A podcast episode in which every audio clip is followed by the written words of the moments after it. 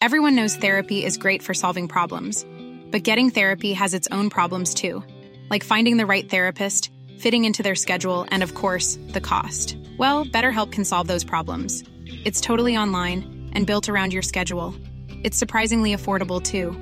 Connect with a credentialed therapist by phone, video, or online chat, all from the comfort of your home. Visit betterhelp.com to learn more and save 10% on your first month. That's BetterHelp H E L P.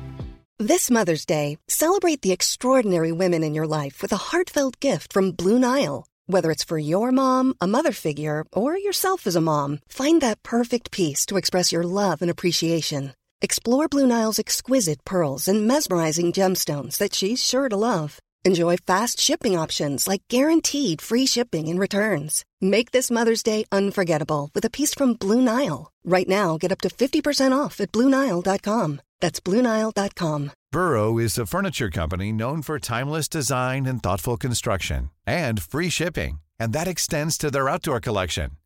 Their outdoor furniture is built to withstand the elements, featuring rust-proof stainless steel hardware, weather-ready teak, and quick-dry foam cushions. For Memorial Day, get 15% off your Burrow purchase at burrow.com slash ACAST and up to 25% off outdoor. That's up to 25% off outdoor furniture at burrow.com slash ACAST. Jag försöker ju som tumregel att man ska inte göra sig lustig på någon annans bekostnad, men Fredrik, kan du inte förklara? Du hade en sladd som du eh, inte fick in, vilket gjorde att vi hade lite problem med tekniken. Kan du förklara Ja, men alltså ja, det såg så lätt ut. Du visade ju mig på plats i Umeå. Det, och och det, det som är problemet med er som kan sånt där, det är att ni förklarar ju som rövhattar rent ut sagt. För det ser så förbannat enkelt ut. Du hade två sladdar som gick in i mikrofonen. Jag hade bara en sladd, men så hittade jag en till sladd i den där kartongen med den här fina mikrofonen.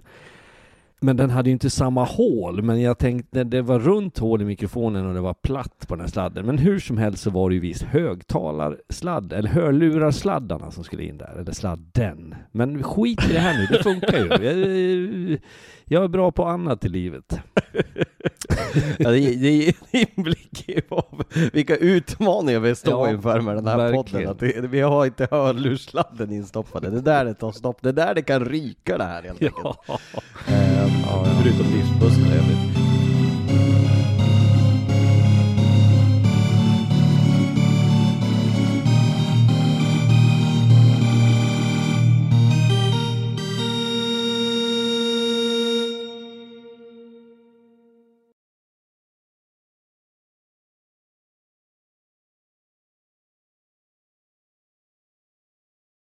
Eh, Fredrik, eh, när vi spelar in det här så, nu är det torsdag, eh, och eh, eh, man vaknade i morse med, eh, det kändes ju som någon form av halleluja-känsla i kroppen. Restriktionerna tas bort. Ja, fy fan vad skönt det är alltså. Jag tyckte det kändes, jag följde Maggan Anderssons presskonferens på morgonen. Jag tyckte nästan att det kändes så här lite ja, men surrealistiskt på något sätt. Ja men kan vi, ska vi dra bandet? För att, att liksom, covid nå- nådde inte fram till Oxberg i tid. Nu är det slut. Vi har dragit bandet. Ja men det är en bra beskrivning. Det. Och jag, men det som har hänt för mig tycker jag att jag vet inte om man är lam svensk sådär som bara har accepterat men man, jag tycker att det har varit fromt och ändå tro på dem som kan någonting och lyssnat på dem och sådär och man har accepterat läget. Det är väl en fin egenskap i sig. Men det har gjort att man har trott någonstans, har jag, så här, men så här kommer det se ut nu. Det här är liksom den nya, det nya normala. Ja, men nu, nu jag för, förstår du vad det här betyder för hockeyföreningen? Man ser ju bara Ja, det det fantastiskt. liksom glädjeuttrycken Ja. som har varit på Twitter idag. Alla klubbar bara välkomna tillbaka och vi har ju, vi har ju förmånen Fredrik nästa onsdag, första matchen, då sänder vi Björklöven AIK. Eh, till och med verkar det som att de kanske har svetsat ihop den där mediakuben till dess. Så att det, det, det jag tror, ja det är bara att hoppas på att det är lapp på luckan då liksom. Och då, Ja, man vill ju att folk ska kompensera den här tiden som har varit för att det, det är vi som eh, står där vi står. Jag kan bara ana, vi längtar ju. Tänk då alla supportrar, de här som verkligen drivs av att vara i, på plats i hallar och arenor och rinkar och stå där och känna gemenskap och känslorna som kommer vid vinst, frustration vid förlust. De, de, vi behöver det här allihopa. Ja, jag kopplar det lite grann till att eh, eh hoppet är det, det, värsta som finns är när man får hopp för någonting. Om, man, om någonting är kört, liksom, då är det kört. Men då fick vi upp hoppet i, i höstas, liksom, att vi, vi fick ha fulla eh, salonger när det gick. Det var ju såklart inte fullt jämnt, men det var ändå mer än vad vi hade förväntat oss under fjolåret när det var fullständig katastrof. Och så sen då tas det bort igen. Och jag kände att det, Ja, men lite mixade känslor. Först och främst var det det här att, ah, fy fan vad less man är på det här. Ursäkta att jag svär. Men dessutom så kände jag på något sätt här i, i januari att, ja men vi får rida ut den här stormen, för allting i världen pekar ju på att det här kommer att vara en jättespike av smitta. Sen kommer vi att komma ut jag, jag har ju varit inställd hela tiden på att slutspelet, då kommer vi ha publik. Det, jag har liksom inte har de, någon form av eh, KBT-terapi, liksom att uh, Lars, tänk på positivt, positivt, positivt. I slutspelet är vi där, då är vi glada igen. Ja. Då behöver vi inte vara ledsna igen. Ja, och det är bra att du har haft de vibbarna. Jag har ju varit lite mer så här oroad att vi kanske inte skulle få det så bra som, som vi har haft det förut. Sen undrar jag om inte det tar ett litet tag kanske att eh, akklimatisera sig till det här nya också att det finns de som eh, kan ha vant sig vid ett annat sätt att leva på, man andra rutiner och sådär. Men jag tror ju att över tid så kommer folk att förstå att man ska tillbaks på plats. Ja, det tror jag också. Vi är jävligt glada att det är igång i alla fall. Eh, och eh, Fredrik, du fick ju resa hem igår. Du var uppe i Övik och, och käkade lite mat. Det är också en resa man kan göra i, i hockeyvärlden när man jobbar på TV. Nej, och eh, sen eh, så fick ju du åka hem och, eh, och se eh, hockey på TV. Men den stora bomben igår, som är ju det vi måste inleda det här med, det är ju det som hände. Eh, när vi satte oss, jag, Tobbe Karlsson, vår producent David och eh, Harald Lyckner i bilen i Umeå för att rulla till Övik, så kom ju nyheten att Marcus Modigs är inte längre en del av Modo Hockey. Och det var ju knappt intagbart just när man fick höra det. Alltså det är ju en kille som har gjort mest poäng av alla spelare i hela ligan i 5 mot 5 och som ja. har gjort 18 mål. Inte ett enda powerplay-mål förvisso, och kanske eh, dalar lite grann på slutet, men det var ju en bomb av dess like. Ja, och jag kan förstå att reaktionerna blir så. Jag tycker också att det är liksom eh, anmärkningsvärt såklart. Men jag, jag tänker också så här att vi har haft de här diskussionerna förut när vi pratade bland annat om bänker eller vi pratade om Emil Berglund. Att det som man ibland utifrån kan se som en given relation eller ett förhållande som ser liksom optimalt ut en spelare i en trupp behöver inte alltid vara så. Jag, jag säger inte det här för att på något sätt eh, underminera Marcus Modigs, men det, det, är inte alltid det stämmet man kan tro. Det kan handla om att man inte riktigt får rollen man vill ha. Man kanske inte har en personkemi mellan ledning och spelare. Jag tror att det kan ligga någonting i att man kanske kom till en punkt där han inte blev bekväm och därmed blir det ett bekymmer också i laget. Han fick lock eh, toner så att säga från SHL. Hans fantasi börjar peka i en annan riktning än att representera Modo och, och föds de tvivlen, då tror jag faktiskt att det, du, du behöver avsluta även de som, ser, som, som synbart vackra relationerna behöver avslutas. Och det tror jag är vad som har hänt där. Ja, och det, det, det, krävs helt enkelt två för att dansa. Eh, och jag tror ju att det här eh, jag förstår verkligen Modo-fansen att det är fel tillfälle liksom. De, de går, Modo och hela Örnsköldsvik har äntligen fått upp lite förhoppningar. De har en av lagets viktigaste spelare på isen, pratar jag bara nu. Eh, så blir det såklart kännbart. En kille som har gjort 18 mål ändå och, och varit tungan på vågen i väldigt många matcher och skjutit väldigt mycket poäng till Modo. Det är klart att det blir kännbart. Och, och framförallt tajmingen tror jag är det som verkligen stör. Att det är två veckor innan deadline kommer och det är snart ett slutspel. De har äntligen fått lite harmoni i Örnsköldsvik och så kommer först då Mikael Ågård, OS, 8-9 matcher ska han vara borta och sen kommer det här och det är klart att det är ju inget att sticka under stolen med. Modo, ska de ha någon chans i det här slutspelet måste de ersätta Marcus Modig. Eh, Sebastian Olsson är en fantastisk hockeyspelare, Oskar Pettersson också, men de är ingen som ska spela i första kedjan med, med, med eh, duon där som gör det så otroligt bra. Jag menar, Vigneault behöver ju, och Riley Woods behöver ju någon att eh, dansa med. Ja, ja men jag, du, du är ju helt rätt på det. Jag, jag, jag, behöver inte liksom krafsa mer på känslorna som jag gissar finns hos eh, de som är runt Modo. Men jag, jag försökte med det att förklara vad som kan ha skett. Jag tycker också att Modigs på ett sätt har kanske över... Eh, eh, han har gjort verkligt personbästa. Eh, och det har varit en tillgång i, eh, eh, i Modo naturligtvis. Den enda ljusglimten när man nu har det faktum att han har lämnat, det är att det öppnar upp både positionen och sannolikt också lite kronor för att faktiskt fylla på. Men då kommer ju naturligtvis frågan, vem ska man ta? Vad finns det ledigt? Ja, men då är ju turen att man lyssnar på Ringside Podcast. För Fredrik, är det något jag har gjort sen, eh, sen det här kom, så har jag ju värvt. Jag bara, och Fredrik, jag tror att jag hittar lösningen. Jag har, jag har fem val, eh, eller jag har fem alternativ som ska, jag skulle presentera Oj, här då i podden. Som, som du får bemöta lite grann då. Ja, Vem ja. ska fylla Marcus Modigs plats i Modo? Så jag har Intressant. faktiskt fem, eh, fem stycken, eh, ja men fem rätt bra namn då, får man få vara lite självgod sådär. Nej men fem intressanta namn i alla fall, så jag vill lyfta oss. och sen får. Europascouten Lars Lindberg är igång. Ja, det, det, det ska väl fasen i mig eh, slå fast att är det mycket jag kan så är det inte att vara sportchef. Men vi, det är ju faktiskt så att hockey består ju om att man ska spekulera också. Och därför så tänker jag att jag slänger upp de här namnen och så sen då får du bemöta dem lite grann. Intressant. det, första, det, första, det första som jag eh, sticker ut med då, eh, den eh, lösningen som jag tror är dessutom gångbar. Jag tror att det här är en möjlig lösning om det skulle vara som någonting som Modo önskar.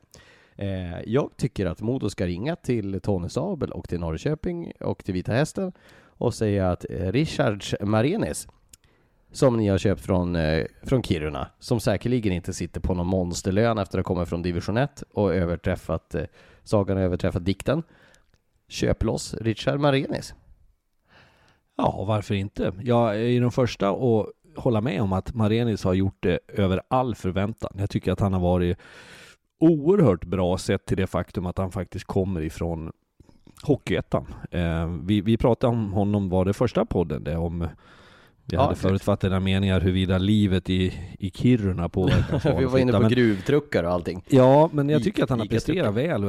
Det var väl igår han gjorde en, en fantast, ett fantastiskt mål mot, mot Ja, eh. HV också. Så att han har gjort, marknadsfört sig själv på absolut bästa sätt. Sen är ju det frågeställningen, varför skulle hästen släppa honom nu? Ja, men om de då klarar sig, jag menar, eh, eh, Vita Hästen har ju den självbilden också, att de ser ju över den här slutspelsserierna som kommer. Visst, de kan absolut dra in pengar i en åttondelsfinal om de får spela det, men Vita Hästen kommer ju inte gå upp till SHL den här säsongen, det kan vi ju alla vara helt överens om. Och klarar de att, eh, att säkra kontraktet så de om två veckor känner att när det här repet dras, att vi är säkra, då kan de ju göra sig en ganska bra slant på att sälja honom också med tanke på att man sitter i ett väldigt gott förhandlingsläge. Jag tror Marenis eh, är ju inte den som klagar om han får, ja men säg att han får 100 000 extra för resten av säsongen. Nej. Nej, men där, du har en poäng där och, och vi har ju sett att det är möjligt är så att man eh, faktiskt, eh, vi pratar ju trader eller byta mellan lagen, att öppnar sig de möjligheterna så, och hästen är på säker mark, men just nu så är det ju ett ganska traumatiskt läge i den delen av tabellen. Så att de Ja, men är det, brasklappen är ju att de måste vara säkra för att det ska gå. Eh, bara, jag måste bara förklara också, visste du om hur eh, Marenis kom till Vita Hästen? Det jag nystade lite grann i det där, för jag tänkte det var intressant. Det var ju faktiskt så att Nybro i Hockeyettan hade möjligheten, eh, de var sugna på att ha honom. Men med tanke på att han inte hade någon out för att gå dit så fick eh, egentligen Vita Hästen honom, på, på, som jag förstod det, på väg till en bortaresa så, så ringde agenten och sa det att ja men eh, vi har en spelare uppe i Kiruna, är ni sugna på honom? Och det har ju slagit ganska väl ut. Oj, ja du ser, det Ja. går att hamna i Norrköping på olika sätt. Ja, eh, det var mitt första namn. Marenes är min första lösning. Nästa lösning då? Eh, Jag har fem stycken, så vi drar dem ganska snabbt. här. Nästa är ju det, då tycker jag att man eh, går på det som man känner väl till. Eh, En kille som ju lämnade, men vi vi har pratat eh, i podden och jag menar, någonting hockey är att man kan lämna för att eh, se sig om i hockeyvärlden, få en utveckling på andra ställen och komma tillbaka. Eh, Patrik Karlqvist. I Mora så Nej, det, där! Hyfsad bomb det hade varit. Patrik Karlqvist, gå tillbaka till Modo. Karla ska hem. Då får, nog, då får nog Emil Forsberg och Peter Forsberg slanta upp mer än de där 21 och 22 000 som de swishar för att få hem Karlqvist i förra kampanjen. Då får det nog bli 20, ja, 200 000 var i alla fall. Jag ska Nej, inte nej, men, avbryta eh, det. jag, jag, Nej, det är ingen fara. Eh, men vi vänder oss till Mora.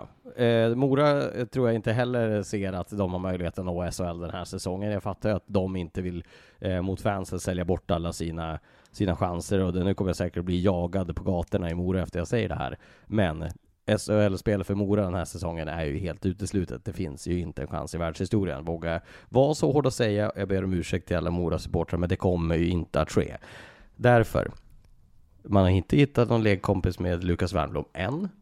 Varför inte Modo köper loss Lukas Wernbloom? Jag tror att det är ett mindre troligt alternativ i mina ögon. Wernbloom är för viktig för Mora och jag tänker att eh, Mora har en annan dröm än vad den du försökte släcka med pulver och skum här alldeles nyss. Eh, någonstans så, och jag tror att Mora har en situation med det som har hänt med Eh, Daniel Ljunggren då som det vart ju liksom omtalat när han vart utlånad till Leksand några matcher. Nu lånade man in, eh, lånar man in Isak Rosén eh, som jag tycker är mycket spännande eh, att se om han hamnar i Mora. Så att, eh, men för all del, jag låter dig prata vidare Lars. Ja, jag ser det här är ju hypotetiska eh, skeenden, men jag vill i alla fall att man ska få tankarna i huvudet. Eh, nästa är också en sån här, nu, nu ska jag till Jönköping ikväll när det här släpps, så nu ska jag bli jagad i Jönköping också, så Lode ska berätta att vi ska bo på hotell. ja, nästan. Men det här är ju hypotetiskt, och för fasen, vi måste ju kunna gissa lite grann i Hockeysverige. Alexander Bergström, före detta HV-spelare, före detta Karlskrona-spelare. Eh, sitter i Tyskland nu som jag har förstått det. Finns ju mm. möjlighet att eh, kunna få loss honom från Tyskland. Det verkar ju inte vara helt omöjligt. Det är ju säkerligen någonting som HV71 i så fall jagar också. Men snacka om en knäpp på näsan i den striden. Om än jag förstår att HV såklart väldigt gärna hade tagit in honom för sluttampen. Ja, men jag tror att det är spåret du är inne på nu, det vill säga bra svenska hockeyspelare som befinner sig i utlandet där kasten är mycket snabbare mellan att nu är det frid och fröjd vi presterar till att någon ägare kommer in och säger att det är slut på pengar eller man missar ett playoff eller någonting så kan man faktiskt vara fri och gå.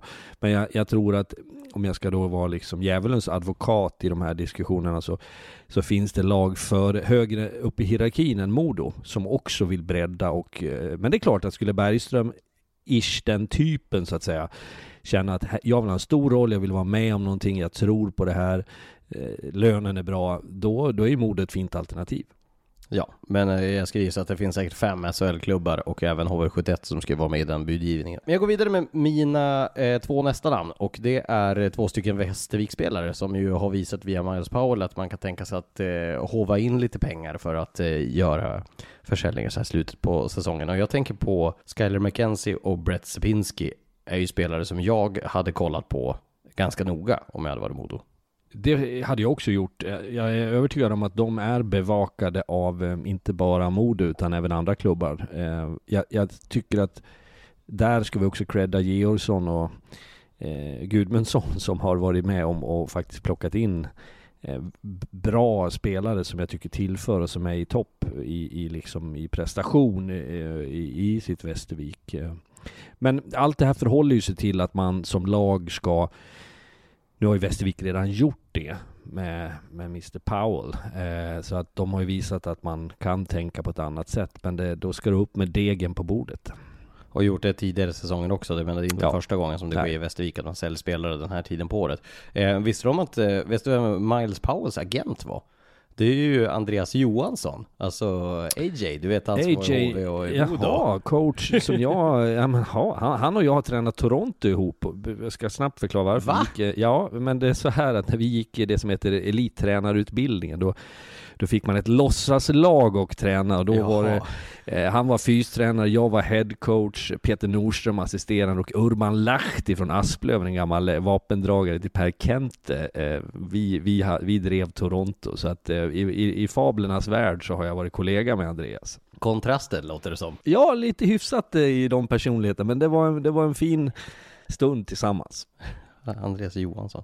Ja, han, var, han hade ju hett om öronen när han var nere i det där kvalspelet mot Leksand. När han var nere i Leksand. De höll på att swisha honom hela natten. Eh, och fick massa... Oh, ja, men du hade väl någon tur där va? Ah, ja, ja, herregud. Ja, det där var ju en märklig historia. Ja, alltså, det, det var ju så här. Jag, eh, jag gjorde en intervju med Andreas Johansson när Modo började ligga på kvalspel. Och under tiden de låg där så ältade jag på liksom, men Andreas, hur ska ni klara det här? Eh, eh, vad, vad ska ni göra för att undvika negativt kval? För Modo hade ju aldrig åkt ur SHL då. Eh, och det är klart att det där började ju röra sig och, och han började väl känna sig lite pressad. Jag var ju, eh, gick ju på honom ganska hårt med att liksom, Andreas, hur, hur ska ni lösa det här? Jag menar, nu ligger ni på negativt kvalplats. Eh, nu blir det kvalspel för att hålla sig kvar i, i SHL. Och han tyckte väl att jag tjatade så mycket där så att eh, han slängde in där, ja men om vi inte klarar oss då får du 10 000 spänn av mig. Och jag tänkte ju direkt bara, ja, det här kommer ju, någon, det här kommer ju någon att göra någonting av. Så jag, jag stängde av telefonen när jag for därifrån arenan. Andreas menade ingenting mer med det. Han var ju bara less på min fråga helt enkelt. Eh, och så sen då började jag ringa i telefonen, Aftonbladet, Expressen och, och, även mina kollegor på TV4 då ringde och sa liksom vi måste göra något på det här. Det här är ju, Andreas har ju gått i spinn och det, du vet hur det är. Det är ju inte jätteofta som det händer något spektakulärt sådär i intervjusituation. Så det där blev ju världens drag på det där. Sen var jag uppe i i Skellefteå och jobbade bakom kameran på en slutspelsmatch mellan Skellefteå, jag minns inte om det var Skellefteå mot eh, Växjö eller Skellefteå-Frölunda. Eh, och eh, då började jag ju ringa igen i telefonen för då hade ju Modo just åkt ur. Eh, samtidigt som den matchen spelades, jag var mitt uppe i att jobba. Och det som hör till den här historien var ju det att mina kollegor, liksom de som eh, kör kameror och eh, jobbar, ja men de som eh, jobbar med produktionen, de var ju mm. helt förtvivlade för att de blev ju av, när Modo åkte ur så innebar det att det blev ett Norrlandslag mindre och för deras skull så innebar ju det att de blev av med liksom 25% av deras omsättning på året. Det var ju ja men som att du tar din lön och så släng bort 25%, ni kommer inte få det jobbet. Så mm. de var ju helt förtvivlade och vissa i princip grät ju av, eh, av det, att de blev av med jobb och pengar. Samtidigt började telefonen ringa för mig från, eh, från eh, kvällstidningar och så vidare och jag menar jag kan ju inte sitta då och göra en lustig grej av det där, så jag valde att skita i det där så länge som det bara gick. Av respekt mot mina kollegor för hur ledsna och besvikna de var, inte för att de höll på Modo utan för att de blev av med, de visste i princip inte hur de skulle liv livnära sig. Men sen gick det ju någon vecka efter det där och då, då tänkte jag, men jag ringde till eh, han som var presschef i Modo och så sa jag till det, kan du ge mig Andreas Johanssons nummer? Och så ringde jag och sa det, men om, om du ger pengarna till mig så, så skickar jag dem tillbaka till Modos ungdomssatsning. Och då blir det ju liksom på något sätt ett värdigt slut på det här och så får vi Finito. Sen ringde jag till Adam Johansson som numera är på Expressen som då var reporter för Allehanda. Och så sa jag det att ja men så här, det här kommer jag att svara och så kommer jag inte att svara någon annan. Då får de ta dina svar om det här och så får det liksom sättas punkt på det här. För att det var ju ingen som ville att det skulle bli en grej. Men Andreas Nej. Johansson fick ju när de åkte ur, han har ju swishningar som kom en krona till honom hela natten liksom. Där det var den ena trakasseringen efter den andra. Oj, oj. Men det var ju bra att det blev ett hyfsat värdigt slut på historien. Ja det får man säga. Sen ska man ju, en, en slutsats är ju som tränare, jag tror också genom åren sagt sådär att ja, förlorar vi så ska jag cykla till Blomstermåla eh, naken. Alltså man ska akta sig för att slå vad, kort och gott. Men skitsamma, nu ska vi prata om det som eh, är den andra heta potatisen. Det är ju Södertälje och eh, Pelle Hånbergs mardrömsstart. Alltså först 0-3 mot, eh, mot Tingsryd i, i förrgår, i onsdags, som ju dessutom blev att de kom till kapp till 4-4 och sen vinner Tingsryd under ordinarie tid. Och nu är det 6 poäng mellan dem, och vilket gör att Södertälje är kvar på negativt kval och får ju en sån, inte bara det att de får en första smäll att det är 0-3, de kommer tillbaka, hoppet tänds och så släcks det igen. Ja, det är ju en vansinnigt eh, tuff start naturligtvis. Jag, jag, har själv aldrig tagit över ett lag under säsong, men jag har fantiserat om det, hur man skulle agera och hur man skulle vara. Och jag har alltid liksom sett framför mig att skulle man få kliva in och man fick vinna, alltså den här eh, mirakulösa känslan som växer sig stark. Jag satt ju på ett flyg först och sen på ett tåg hemåt i, under matchen här, så jag, jag försökte se lite på, på iPaden och på, på telefon på matcherna. Och, eh, för övrigt måste SJ skaffa bättre paraboler eller vad nu, hur nu wifi kommer Det är helt otroligt 2022 att man kan, ja. ha, man kan ha wifi överallt men inte på tåg. Nej, men så det hackade lite. Men jag var tvungen att slå över. Jag kollade på Modo eh, Karlskoga mestadels, men sen när jag såg liksom siffrorna där, så jag såg lite grann på den och jag, jag slogs av hur eh, bra. Tingsryd gasade inledningsvis och sen eh, till och från liksom vad som hände med den matchen. Men det är som det, det du beskriver, man får 3-0 eh, tidigt mot sig. Man kommer tillbaks, man får ett 4-3 mål, man kommer tillbaks till 4-4. Och sen med mindre än en minut släpper man en, en brutal situation egentligen som, som, som man då vinner matchen på för Tingsryds del. Ytterligare en käftsmäll för Södertälje. Tufft, tufft, tufft. Vad tänker du om det där? Jag menar nu, nu kommer ju det oundvikliga här att de bytte tränare i, i Södertälje till slut och, och Pelle Hånberg, det kallades ut direkt då de här, eh, ja men ska man kalla det typ eh, Remember the Titans-talen som kom från Pelle Hånberg som har kallats ut i media som ju andra fans gjorde sig lustiga på. Jag, jag har ingen ambition att göra mig lustig på det, men de, de försökte ju verkligen bygga någon ny form av energi i Södertälje i alla fall. Ja, jag, jag, tror tyvärr inte att det är så enkelt så att, att det ska liksom vara fina ord eh, för Södertäljes del, utan jag tycker vi har pratat om Södertälje, vi har sett dem på nära håll. De, de behöver skaffa sig en identitet spelmässigt, ett, ett spel som är mer anpassat utifrån sin material. Jag är övertygad om att Pelle Hånberg Eh, och Björn Lidström som hans kollega heter. Jag mötte ju de här i Schweiz under mina två år där när de jobbade för eh, Klåten och jag var då i Olten. Så vi har haft våra tuffa drabbningar där. Men, men de har passionen och kliver in i det här med öppet sinne tror jag och kommer ju jobba kopiöst hårt för att få ordning på SSK naturligtvis. Men att få den här starten för dem är det ju en förlust. Eh, för Södertälje är det ytterligare en förlust. Så att jag tror att de sitter lite på olika känslomässiga nivåer. Men det här är ju ett drama som nu går in i slutakten. Så är det. Och man kan tycka att det är ändå ett x antal matcher kvar. Vad har vi spelat? Det är lite haltande. Det är fem, 15 kvar. Ja. Och det, det kommer ju vara eh, så att alla ser över sina prestationer nu när det verkligen eh, gäller. Så att det är ju inte bara så att Södertälje kommer jobba för att lyftas, utan alla de här lagen inblandade där nere kommer ju verkligen slåss med näbbar och klor. Så att jag tror att SSK kommer få det bekymmersamt, men jag tror definitivt att de har en möjlighet att faktiskt klara sig. Jag ska säga så här, jag, jag, drar, jag ska vara försiktig med slutsatser för det, det, vi kommer att se lite förändringar, det är jag helt övertygad om i, i många av lagen. Man, får in någon spelare, man tar bort någon, man, man gör skiften och så vidare. Men jag, jag, tycker att Tingsryd har för mig en uppåtgående trend. Jag tror att de är mer, eh, de är lite vana, mer vana på gott och ont naturligtvis att vara inblandade i det här. Jag tycker att Bogren leder med lugn och så.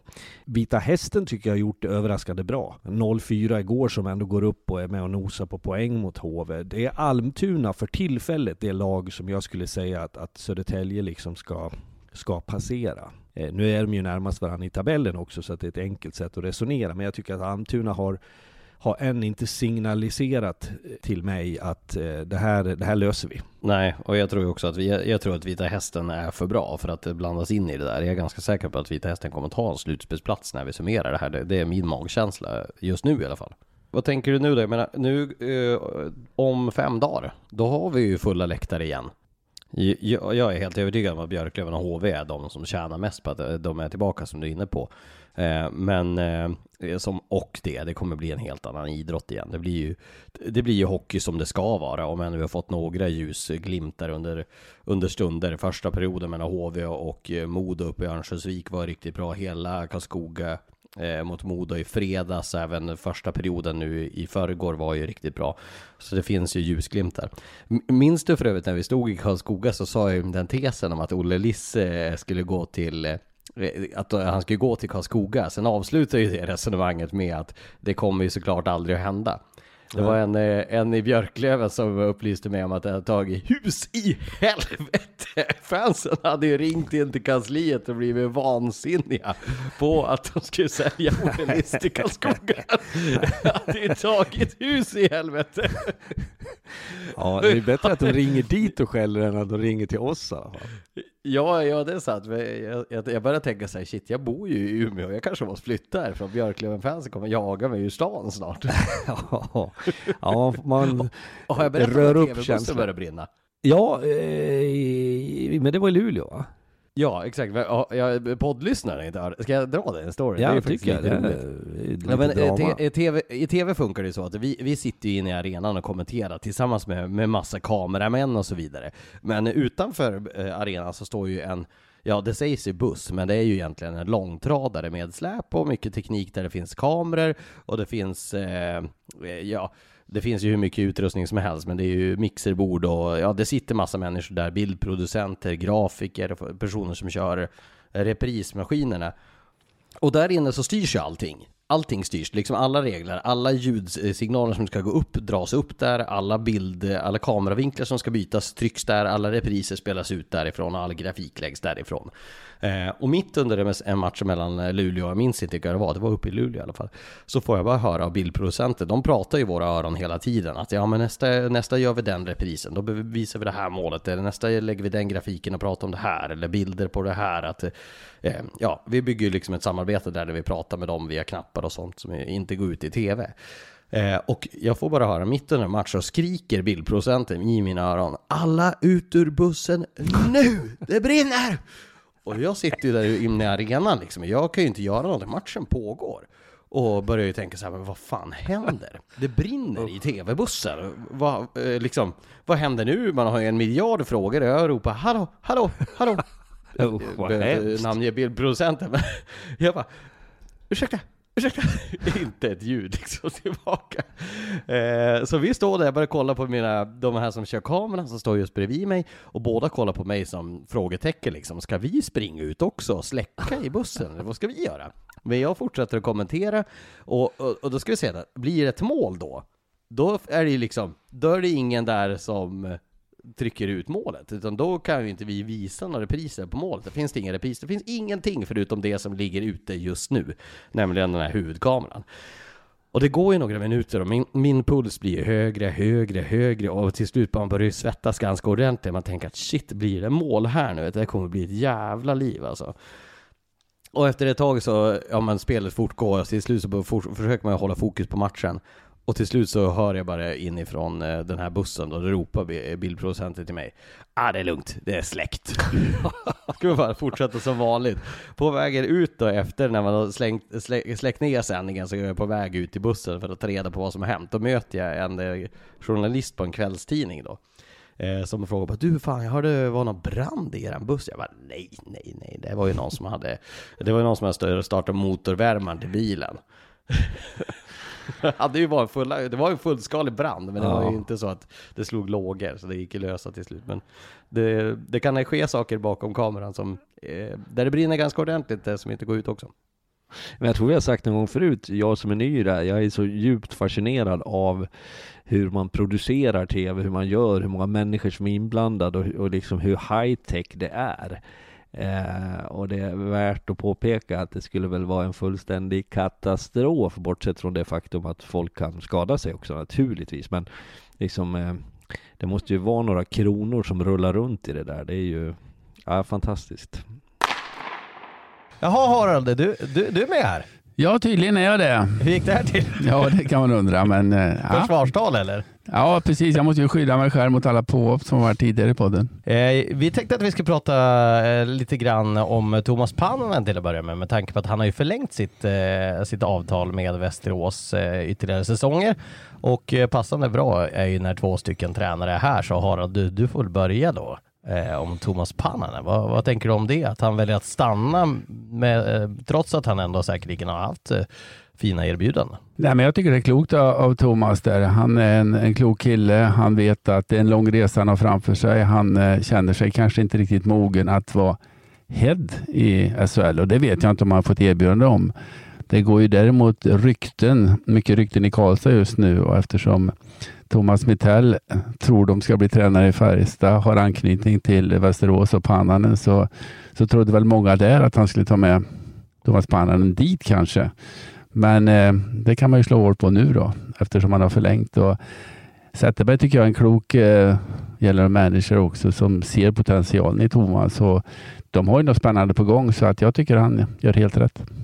Jag tycker också det. Jag hade ett bra snack med Thomas när vi gjorde någon match där nyligen där jag tyckte han resonerade kring prövningarna som det faktiskt är att träna Västerås. Västerås är ju ett av de allsvenska lag som har kanske mest eh, tyckare och tänkare runt sig. Eh, och nu när man spänner musklerna lite grann så blir ju han också ifrågasatt. Och eh, att gå igenom det, det de, liksom, de här tuffa dagarna, att vara tränare är ju inte att vara, ha tre år med framgång i ett juniorlag och sen tycker att du är klar, utan det är snarare där när det går åt skogen som du blir prövad. Så att Jag klassar ju honom som fortsatt grön och det tyckte jag att han gjorde också när vi snackade. Han är väl ganska grön. Alltså jag menar, han tog över i division 1 eh, och har ju egentligen, det har ju gått väldigt snabbt. Och, och helt friktionsfritt har det inte varit. Men I fjol var han ju ganska rejält ifrågasatt av fansen som jag förstod det. Ja, det var ju första året där i Hockeyallsvenskan som det var klang och jubel och de gjorde dundersuccé när de var, blev trea till slut Ja. Sen har det varit lite motgångar och inte gått eh, på räls allting. Och det är då man prövar som tränare. Nu har de gjort en stor satsning och man kan likna det med som Per Jonsson gjorde, en IKEA-möbel här. Att eh, det blir bra när det blir färdigt men en jävla massa skruv att skruva in det funkar. Och de hade ju en trög start i år men har ju fått ordning på det nu så att eh, ja, det ska bli spännande att se. Det, det enda liksom frågetecknet jag kan ha där, det är ju han har bara varit i Västerås eh, som klubb. I juniorverksamheten, eh, nu som A-lagstränare och med det kommer både för och nackdelar. Du blir sällan profet i din egen hemstad. Eh, och det faktum att när du kommer ur en klubb där du har spelat och där du tillhör så har du en del knappar att trycka på, en del kontakter och rycka i när det blåser lite snålt. Befinner man sig i en annan stad, i en annan klubb där man inte liksom har något kapital att ta av så tror jag att man, man tvingas jobba ännu mer, ännu hårdare, vrida och vända på sig själv. Så att det skulle vara möjligtvis det som jag sätter som ett frågetecken i hans karriär. Att han skulle behöva eh, liksom komma ut, komma iväg, stå på egna ben om jag uttrycker mig på det sättet. Men som svar på din fråga, jag ser inte något alternativ som skulle vara bättre för Västerås. Backa upp Thomas och hans kollegor. Vad, vad, vad jag tänker också lite grann med, med eh, Västerås är ju det här att eh, det känns som att nålsögat för SHL. Eh, nu vet vi att det är ett lag som går upp de kommande åren här tills man ändrar serieupplägget, vilket jag inte tror efter förra säsongen man är speciellt intresserad av att göra.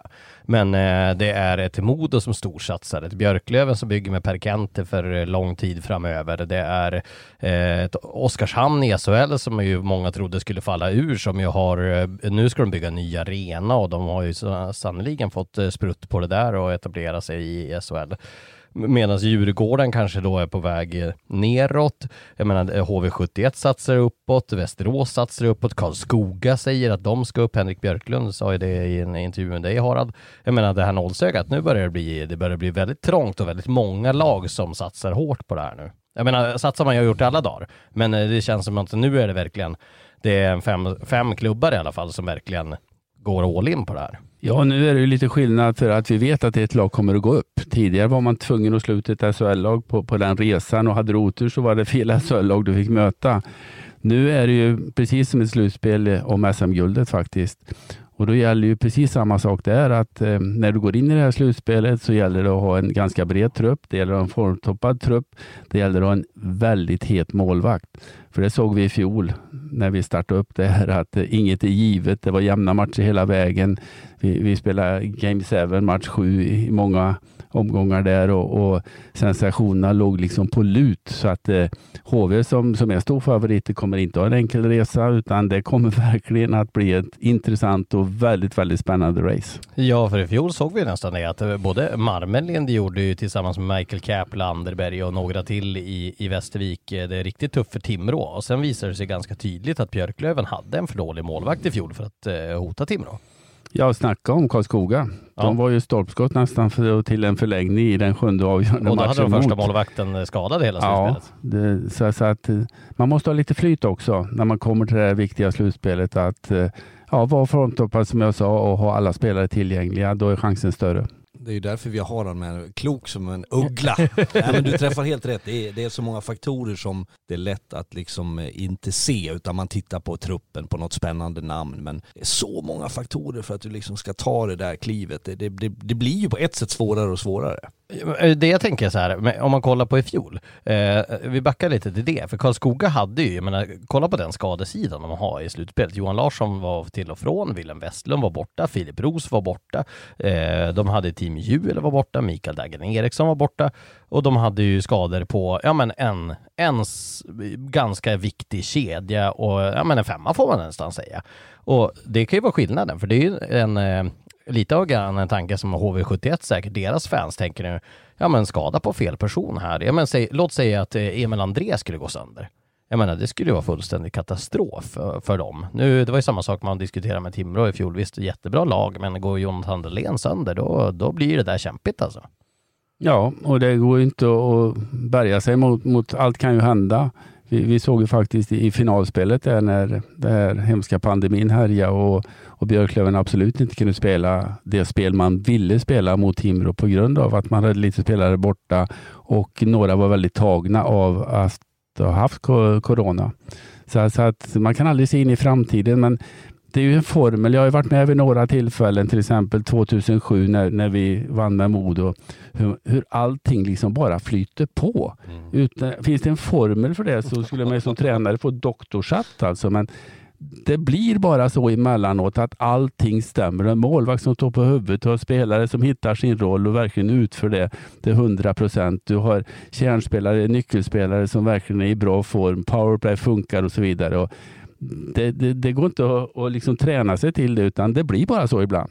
Och det är ju det här som gör idrott så förbannat charmigt på något sätt för att man inte riktigt vet de här äh, sakerna som kommer att, ramla in framöver. Sen tänker jag så här också att det som skulle kunna vara eh, alternativet, säkert någon tänker då när vi pratar skador, du nämner Karlskoga, Lars, vi pratar om, om, om eh, Modo när Harald var med och vann där.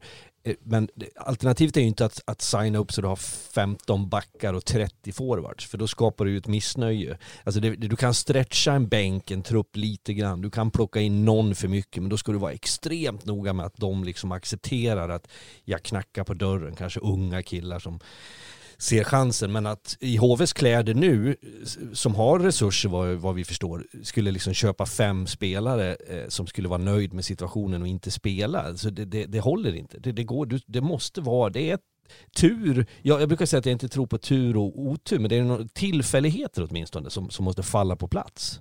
Ja, bra scouting. Ja, definitivt. Det är jätteviktigt. För om vi tar det här FIRO-metoden, alltså man är i en kontrollfas när man ska hitta sina roller. Vad är FIRO-metoden? Ja, det är alltså en tillhörarfas, en, en kontrollfas och en samhörighetsfas. Alltså, samhörighetsfasen, då ska det, allting... det, det, det är gamla tränarutbildningen. Jag tror att det står för grekiska. fundamental börjar, F står för ja, det. Det är ett engelskt begrepp. Det är faktiskt eh, amerikanska armén som ja, har fått ja, fram det här. Och, och, ehm, det, det, är så intressant för det, det, fungerar i alla sammanhang. Om det är bostadsrättsförening eller på jobb eller inom idrotten. Du bestämmer dig att du vill vara med, tillhöra fasen. Du får reda på lite regler och vad som gäller och man är nyfiken kontrollfasen så, så sätter man sina roller och alla vill ju ha powerplay-rollen, alla vill ha första center, bla bla bla. Och när du kommer in i samhörighetsfasen, då ska liksom allting kitta ihop. Du som tränare behöver nästan inte berätta vem som ska in i powerplay eller boxplay, utan det har man kommit fram till.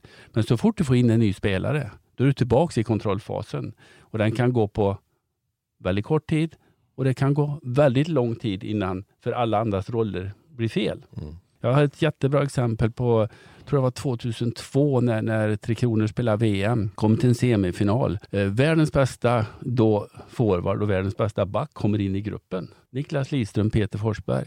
Vilket innebär att alla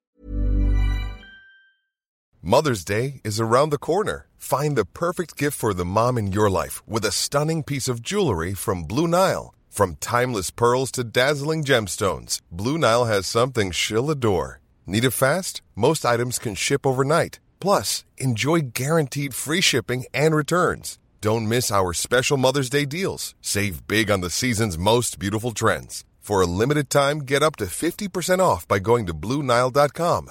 That's Bluenile.com. There's never been a faster or easier way to start your weight loss journey than with PlushCare PlushCare accepts most insurance plans and gives you online access to board-certified physicians who can prescribe FDA-approved weight loss medications like Wigovi and Zepbound for those who qualify. Take charge of your health and speak with a board-certified physician about a weight loss plan that's right for you. Get started today at plushcare.com slash weight loss. That's plushcare.com slash weight loss. plushcare.com slash weight loss. Hey there, it's Michelle Norris. I'm host of a podcast called Your Mama's Kitchen. When I travel, I'm usually looking for a way to find a taste of home when I'm not at home. And one of the things I love to do when I am at home is entertain. And Airbnb allows me to do that. When I was in California recently, I rented a house that had a great kitchen. And when we were sitting around the table, we we're all thinking, we're in someone else's house. Someone could be in all of our homes as well. If you have a home, but you're not always at home, you have an Airbnb. Your home might be worth more than you think. Find out how much at airbnb.com slash host. andras roller blir annorlunda. Och, och jag är inte säker på att, att man spelar bättre hockey i den semifinalen, man förlorar. Eh, hade de kommit in från början, toppen. Men här vart det liksom omkastningar i hela ja. laget. Och då helt plötsligt i en vinna-försvinna-match så får man inte utmaxa laget. Ja. Och jag har varit med om många som har gjort fel också när man tar inte in Leksand, som du känner ja, till väldigt bra. Tagit in väldigt många spelare precis på deadline och så säger nu kommer vi att gå upp. Nej, de har inte hittat rätt i, i gruppen. Nej, nej. Medan med lite sämre spelare så kan man tajta ihop det där för alla gör sin roll till 100 procent och då blir det ett bra resultat. Alltså du kan ju inte sätta dig med Södertälje och Djurgården och säga att nu har vi det här laget, i oktober, vi är klappusla, vi nöjer oss. Men om du tar ett bra lag, jag var i Örnsköldsvik igår och gjorde ett eh, reportage ja, för Simor. Du var åt mat åt, och... Ja, mycket trevligt, det är den bästa delen i mitt eh, nya liv. Eh, men då, där du, träffade... du var ute och också gick med, eller en hund var ute och gick med oh, dig som jag förstått det. Kan du... det kan bli bra tv. vad vad hände det där? Du är inte så hundvan, vi kommer Nej, tillbaka ja, till originalet. Nej men eh, Sylvander hade ju en Atlas och Erik Ginesjö Karlsson en Zorro som var högintresserad. Det började först med att jag skulle liksom knacka på och komma in där eh, och jag visste ju vilket hus han bodde så jag knackade på, jag hörde en hund som gaffla och jag kliver innanför dörren och jag säger hej. Då är jag inne hos grannen till Sylvander som inte var någon hockeyspelare. Han såg ut som en hockeyspelare. Så jag var på väg in där, tyckte det kändes lite obekvämt. Så jag fick gå ut igen och gå in i rätt dörr. Och sen fick jag ju umgås med de där hundarna. Så jag och eh, Oskar Pettersson fick skulle ut och gå med de här två hundarna. De skulle ju vara så fina och, och lugna. Eh, men det var ju alltså, vi snurrade in varandra i koppel och jag fick åka skidor på skorna. Det vart humor av det hundvaktandet. jag får roliga bilder att se Men min poäng med det här, vi lämnar hundarna för en stund, var att jag träffade på lite modoiter sådär eh, vid, vid luncha och jag gick en promenad som frågade vad, vad ska Modo värva? En väldigt vanlig fråga jag fått. Vad ska Modo plocka in nu? För nu, nu har man väl fått smak på toppen och man vill jag pratar supportrar nu tycker så nu har vi chansen att gå upp. Och jag svarar, och jag menar det, jag är inte säker på att Modo ska värva någonting. Det är kanske den bästa värvningen är, är inte någon. För att Modo upplever jag är en, ett bra exempel sett utifrån på där en grupp har satt sig, rollerna är fördelade och bra prestationer kommer. Ja, väldigt harmonisk grupp ja. också. De verkar trivas med varandra, de verkar ha kul tillsammans och då gäller det verkligen att vara oerhört noggrann om ja. du ska in med någon som passar in i gruppen, annars kan det bli pannkaka av alltihopa. Ja. För det, det, jag skulle bara tillägga en till sak. Det som sker ibland när det kommer in en spelare som man kanske inte tänker på, det är dels ruskar de om, som Harald är inne på, liksom hela fundamentet, gruppen, det som, är, det som är satt. Men sen funkar det också så här att de här spelarna i alla lag har ju sina relationer med andra spelare.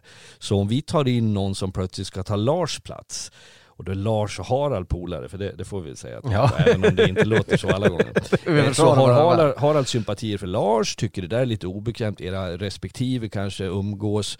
Man, man, glömmer att det är ett socialt spel också som pågår som blir väldigt rubbat och det hör jag signaler från vissa lag att det blir de här grupperingarna för att man vi reser på golfresor ihop, eller vi brukar vara utomlands, vi är i fjällen, våra fruar är, är systrar.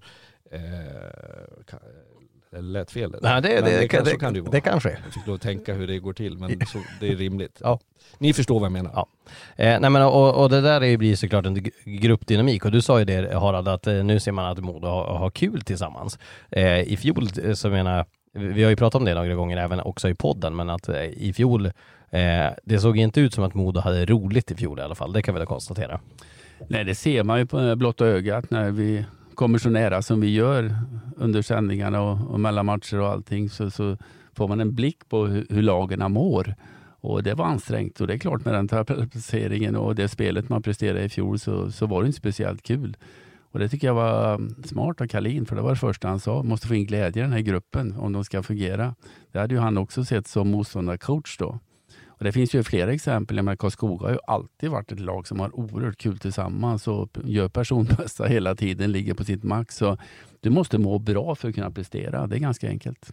Vi, vi har ju pratat mycket om hur Karlskoga gör. De har ju egentligen, eh, eh jag ska inte säga att det är en inkilning, men ett välkomnande när man kommer till Karlskoga där man verkligen satt den här Karlskoga-andan. Där eh, ju Mikael Dagen Eriksson, eh, det är väl han som är navet i det, att han, han bjuder hem nya spelare helt enkelt ja, men, på en middag. Ja, en till mig mig närstående som var kopplad till Karlskoga berättade för mig att innan det blev officiellt, men när han var klar för Karlskoga, så ringer Daggen upp honom och säger du, välkommen till Karlskoga. Så här går det till nu på ett ungefär berättar jag nu. Eh, att när du kommer och hälsa på här nu första gången, eller när du dyker upp här, så tar vi en middag ihop. Eh, du är välkommen hem till mig och så tror jag att det var någon mer spelare som var på plats. Man tog ett snack och man åt gott och skrattade och hade trevligt. Och så försökte man liksom berätta, så här är det att vara hos oss. Så här lever vi, så här tänker vi. Också kravbilden de hade i samband med träningar. Fys, sitta på cykeln. Alltså det, det är ingen som viker sig för du vet att du har ögonen på dig. Det är inte Helmersson och, och Johan där som är liksom de som är kontrollanter utan du, du checkas av dina lagkamrater, inte på ett dumt sätt men på ett utvecklande sätt. Det brukar du prata om Harald, att det är viktigt att gruppen driver sig själv. Ja, det är inte tränaren som var på alltihopa. Du måste ha en kärna som driver gruppen. Eh, och där i Karlskoga, jag har också pratat med många där som säger liksom att de ser det som att laget blir bättre när det kommer in en ny spelare. Det är inte att de tar min plats. Utan de ser att Det är lätt att säga dock. Ja, men då får de bevisa det också. De får sina chanser. De, det ställs krav på dem och så vidare. Lever de inte upp till det, då, då, då kliver de fram med de här som har varit där länge.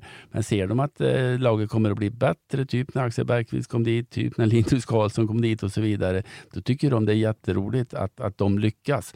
Och det ser man ju också hur otroligt många SHL-spelare BIK Karlskoga har producerat genom åren. För de flesta blir bättre när de kommer dit och det är ett bra betyg till föreningens sätt att jobba. Och det jag ska addera på Karlskoga som jag fascineras av det är att det är över så lång tid. Och det är inte så att det är en eller två tränare som har format det och sen försvinner det för att man liksom tappar. Utan det där sitter i, vi kan liksom backa Sam Hallam, Leffe Strömberg, eh, Arvidsson. Det, det är många tränare som har varit där. Absolut, Men- Lenne Eriksson och Termell. Absolut, och, och det ändå så fortsätter gruppen att leva så. Det där måste ju vara att det förs från spelare till spelare. Det enda som jag kan fundera över om jag blir lite Vad händer när Daggen slutar? Ja, för att alltså, det är också en generation av människor. Vi pratar de här 30 plus gubbarna i många lag som kanske har i sin tur fått det av någon. Alltså vi kan backa ända tillbaks till, men när du spelar Harald, jag har ju fått berättelser, min far är tio år äldre än dig, men liksom det, berättelser från hur det, hur det var på den tiden, hur man ställde krav, hur man absolut inte accepterade och tolererade att någon fuskade eller genade eller inte gjorde sitt bästa för laget. Då, då vart du direkt tryckt, tilltryckt av gruppen. Um, idag upplever jag att man har förväntningar också på att det är tränarna som ska stå liksom och, med pekfingret och pekpinnen hela tiden. Det, det finns inte en tränare som orkar med det. Vi ska också säga i just Karlskoga har ju som exempel, jag, jag och Harald var ju, eh, jag var när jag hälsade på eh, Hotell Lyckner Plaza i, i Karlstad och bodde, bodde hemma hos Harald. Gated Jag kan säga bättre frukost än eh, i Karlstad där. det, är- det är ju en dröm. Ja det var, det var fint. Och då, En då, liten rättelse bara. Hammarö. Hammarö, ja men det, det, Sveriges, vad var det, trevligaste kommun? Lugnaste? Du, du, du Karlstads Beverly Hills här. Nej men du, du hade någon rubrik, var det Ja, tryggaste va? Ja, det, det, det är väldigt svårt att göra inbrott och sånt där ute. Det finns bara två tillfartsvägar. Så det bara att stänga av om det är någonting där ute. De vet vart helikoptern ska hovra. eh, nej men eh, då, då var vi och spelade en golftävling i Karlskoga och då, då stötte jag på en hockeyspelare där som, som sa det att eh, det var ju just på försäsongen där och då, då var det en hockeyspelare som var där ute på golfklubben som sa det att eh, ja men vi måste börja spela matcher. Vi har sagt det till Karl Helmersson och till Johan Skog nu att eh, vi måste börja spela matcher för vi kommer att slå ihjäl varandra annars. Det är, det är sånt krig på träningen att eh, vi slår ihjäl varandra om vi inte får spela match snart. Ja. Ja men det är, och det där tror jag inte heller alltid folk utanför idrotten förstår. Jag vet att det har blivit rubriker när man har, det finns tränare som har sagt när det är någon fight på en träning att det är bra, vi vill se sånt där. Det låter ju, jag menar tar du två i, i personalen på ICA eller två i kassan på banken som skulle börja slåss. Det skulle ju liksom vara häpnadsväckande. Men, men man får tänka på att det här är adrenalin, det är fysiskt, en del av hockeyn att vara liksom i, i ansikte på varandra, även på träning. Så att det är klart att det kan röra upp känslor. Men jag vill tro att Karlskoga är ett av de lag som är bäst på och har varit historiskt på att föda den där moralen. Så här tränar man, här ligger ribban. Och det där följer med år efter år. Vi vänder tillbaka till huvudfrågan, det var det. Är Thomas Pannanen bra att han stannar i Västerås? Och eh, vi, eh, efter några sidospår så kan vi konstatera att eh, ja, det är han. Att Västerås bygger någonting spännande över tid. Ja, numera byter man så mycket spelare så att eh, förr blev man ju trött på tränarna efter två, tre år. Nu, nu är det en rullians på spelare som är betydligt större så nu kan ju tränarna vara kvar mycket, mycket längre och det ser man på Roger Rönnberg, man ser på Sam Halland som har varit väldigt länge, man ser på Bulan där uppe i, i Luleå. Det är inga problem utan eh, man håller över längre tid och då blir kontinuiteten tränaren istället för väldigt många spelare. Eh, jag såg också en punkt som vi ska ta upp i, i den här podden med tanke på att vi har två eh, skickliga tränare i rummet och en eh, kille som är glad att vinka på från er eh, på, på sidan. Eh, och då tänkte jag höra så här, vilka är de bästa tränarna i Hockeyallsvenskan? Alltså det måste ju vara svårt att, att, att, sätta det med tanke på att det styrs ju så mycket om vad man har för förutsättningar och så. Men vilka, vilka har ni imponerats av deras jobb? Jag tänker att jag slänger upp ett namn här, eh, så får ni bemöta det lite grann med tanke på att jag är imponerad av det som eh, Tony Sabel gör i Vita Hästen. Med tanke på att det konstant är väldigt, väldigt små resurser. Och man får ändå ut ganska mycket av det. Ja, jag tror så här på Tony Sabel att det är ingen enkel miljö att vara i Vita Hästen. Jag upplever som utomstående att det är i skuggan lite grann av IFK Norrköping. Eh, och att hockeyn ändå har en roll men att den tilldrar sig en del människor i ledande positioner som också vill vara med och styra och ställa. Jag upplever att utifrån sett så är det många sheriffer i, i Vita Hästen och det tror jag gör, eller det vet jag gör tränarrollen svår.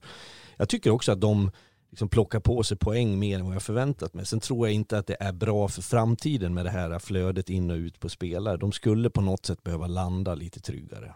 Ja, jag håller med dig. Men, men, just den här frågan du ställer Lars, den är alltså helt omöjlig att svara på ja. för oss. Det blir massa killgissningar. Jag har hållit på med, med det här i väldigt många år och många frågar mig så här, hur är han som tränare? Och jag kan vara jättepolare med den. Men jag har inte varit inne och hört en enda matchgenomgång. Jag har inte varit inne i en enda paus och hört hur han tacklar de problemen som har uppstått i första eller andra perioden. Jag har inte suttit inne och lyssnat på hans tränarfilosofi, hur han går igenom träningarna eller hur han visar video och så vidare. Så det blir egentligen massa killgissningar bara för oftast så tar man ju de lagen som är i toppen. Men ja. de kan ha ju det bästa materialet. Ja, Många men... gånger så är det ju en tränare långt ner som kanske gör ett hästjobb ja. med de förutsättningarna. Ja, jag, jag, tycker det är ställ Bogren mot Tommy Samuelsson. Det råder ju inga tvivel om att Tommy Samuelsson är en fantastiskt skicklig tränare över tid. Absolut. Hans resultat och framgångar. Magnus Bogren är inklusive. Ja, så är det Magnus Bogren som, som ska liksom tälja någonting med det han har. Eh, och jag tycker därför också att det, det, är svårt, jag tycker till och med att det är svårt att ställa spelare mot varandra, men där kan du åtminstone liksom bedöma, de byter oftare lag kanske, de, de, där kan du se något annat. Så att jag tycker snarare att man ska tänka när man pratar tränare att vilka klubbar har lyckats, för där tycker jag problematik, jag tycker man är dålig att scouta tränare. Man tar någon som har varit i ett lag och varit med om framgång så tänker man att per automatik nu så kommer det bli bra här. Jag kollade på Brynäs i fjol när Peter Andersson kom in till exempel. Det... Ja det var väl inte match made Nej det funkade inte helt hundra tyvärr. Utan att, för Peter är ju då skicklig och ja, har ja. gjort det ju fantastiskt bra i Malmö. Så att jag tror att, jag tror att där tror jag man har mycket att lära i svensk hockey. Vem ska mm. vara var? Ja, men det är jätteintressant det du är inne på Fredrik. Jag menar, både du och jag har bytt lite klubbar och du kan aldrig ta med sig, äh, så här gjorde jag i Oskarshamn när jag kommer till Storhammar. Man måste liksom känna in lite grann, vad finns det för förutsättningar här? Vad är deras eh, DNA? Vad har jag för spelare till förfogande här? Innan man liksom bestämmer sig vilken riktning man ska ta. Ja. För att jag var i Färjestad väldigt många år, så kom jag till HV. Då kan jag ju liksom inte ta Färjestads grej dit, Nej. utan måste känna av. Jag kommer till Mora som har helt andra förutsättningar, jag kommer till Modo och så vidare. Så där är ju också någonting som person som tränare, att du ja. kan inte stövla på fullt ut och liksom köra ditt race utan du måste ju anpassa ja, ditt sätt ja, att leda till det stället du är på. Ja. Jag ska berätta en kul grej. Det, när jag kom till Norge och Storhamar så hade vi en ordförande som hette Njål Berge. En, en, en Hamarman som bodde i Oslo vid den tiden och var väldigt skicklig businessman men hade stort hjärta för Storhamar. Han skulle liksom, nu ska vi, ska vi nå framgång igen. Och vi hade ett möte på ett hotell i i Hamar är lite diskret och så här och prata och, och sen vet jag att han avslutar, han har berättat den här storyn själv på något möte med så här European Hockey Clubs tror jag det heter, hur man kan tänka olika. För då, då, hans sista fråga till mig var, vilken hockey vill du spela? Eller vilken hockey står du för? frågade han. Och jag hade svarat, jag minns inte riktigt, men jag hade sagt den som gör att vi vinner guld. Eh, och det kan ju låta som ett luddigt och dumt svar, men i det fallet var det enligt honom därför han ville ha mig. Vi vann den säsongen och jag säger inte att det beror på att jag svarade så, men min poäng med att säga det här är det finns så många, jag brukar dra öronen åt mig när jag läser någon tränare eller hör någon som säger att jag har en playbook eller jag har en idé innan man ens vet vad man tränar för lag. Och för mig är det fullständigt omöjligt. Det finns ingen tränare som kan åka runt med en bok som ger framgång i alla klubbar. Utan du måste, som du är inne på Harald, identifiera vad har jag för material, vad är det för kultur, vad kommer jag springa på för hinder i den här klubben. Kan du lösa de knutarna, då kan det börja gå bra. Ja men så är det, jag håller med dig till hundra. Och det är ju ett samspel idag med sportchefen oerhört viktigt. För man bygger ju lag på lite olika sätt. Jag har sett många exempel på, jag menar Björklöven bygger ett lag på ett sätt med, med i stort sett fyra första kedjor Medan Timrå som gick upp i fjol då hade en väldigt eh, eh, bestämd hierarki mellan de olika femmorna. Och jag är inne på det här lite grann att du måste nästan ha en leading line som får ett förtroende att, att liksom leda laget och få mycket speltid. Tittar du i SHL så är Frölunda ett lag som inte har någon leading line medan eh, många andra lag har det. Eh, det har Oskarshamn plockat fram en nu också som, som liksom bär laget. Jag tycker Rögle har det. Och Skellefteå har det också som, som ger framgång. Och det är ju samma i Hockeyallsvenskan att eh, BIK Karlskoga har en leading line till exempel och Modo har fått fram en bra hierarki i sitt lag. Modo har det nu. Absolut. Uh, och sen tror jag du nämnde ju själv, du pratar nu första leading line, men om du pratar den här fjärde linan, checking line. Jag hade bra samtal med Wikegård i lördags när jag var med i SHL-studion där, just om att man har glömt det där lite grann. Det har på något sätt blivit modigt att du ska ha lite för många konstruktiva spelare. Det är ju drömmen som tränare. Jag vet i Oskarshamn något år när vi gick som bäst när jag var där, då hade vi en fjärde lina som vi på matcherna på hemmaplan startade som första lina. Alltså de tog första tek.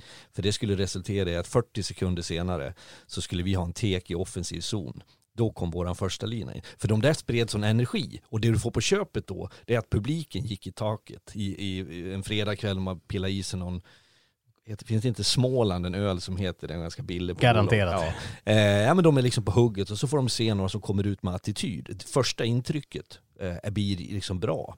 Eh, så att de, den kategorin spelare skulle vi vara bättre att forma. Idag tycker jag att det, det finns så många hockeycamper och hockeyskolor, du ska vara teknisk. De är ju många av de här unga spelarna är ju fantastiska rent tekniskt. Men jag tycker inte att så många är hockeystarka, drivet, klarar av att tacklas på ett fair och bra sätt. Alltså de här investeringarna du gör tidigt i en match, det kan du få från en fjärde lina. Nu kommer ni in på något intressant. För nu kommer vi in på ett slutspel. Aha. Då är det ett mentalt spel. Bäst av sju.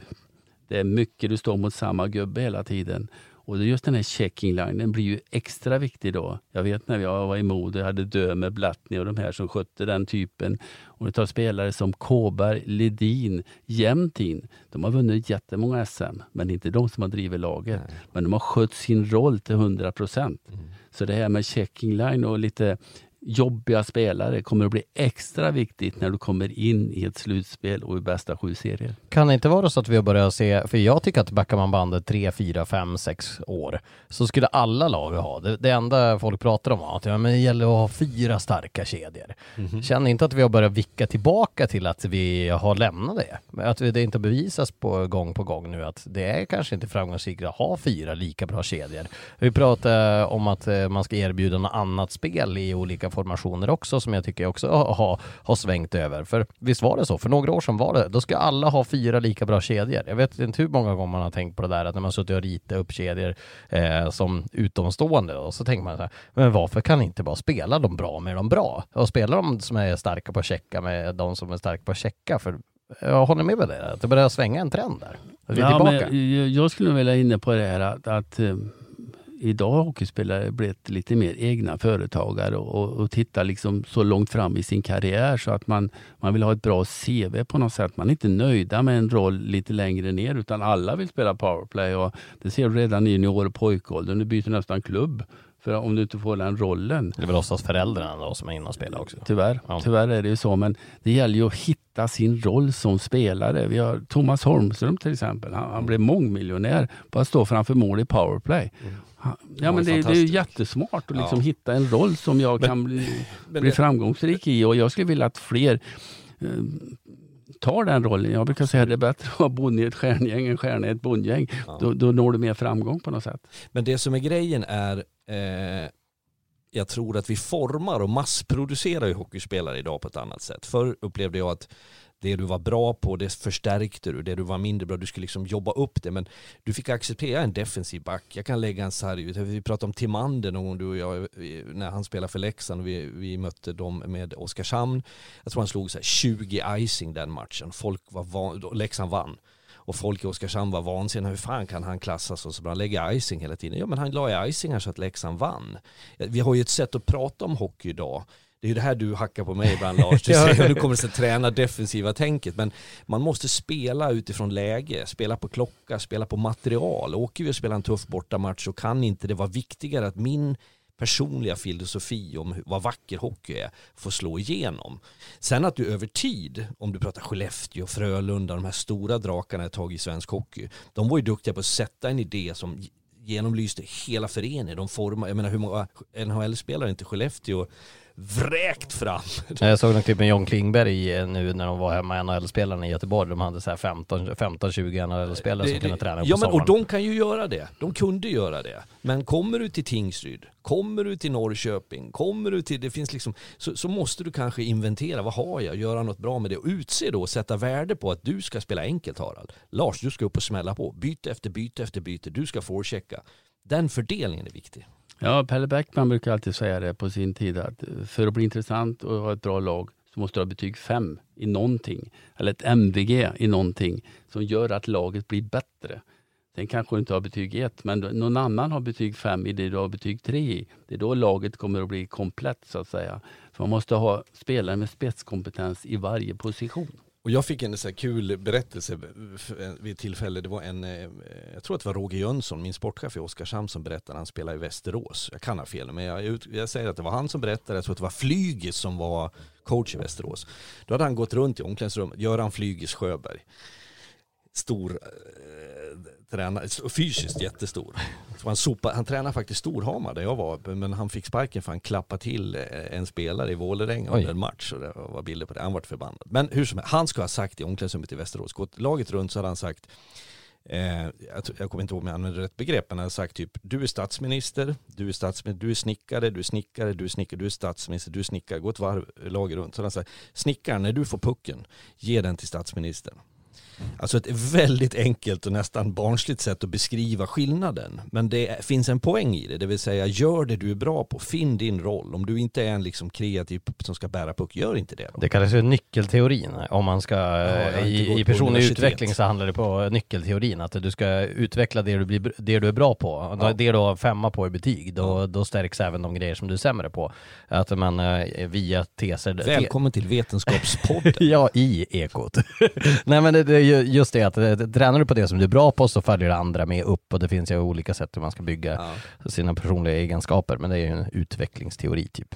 Tycker du att du har fått något svar på det här med dina bra tränare? Nej, följ din lista nu. Jag tänker mardrömmen när jag ska klippa det här.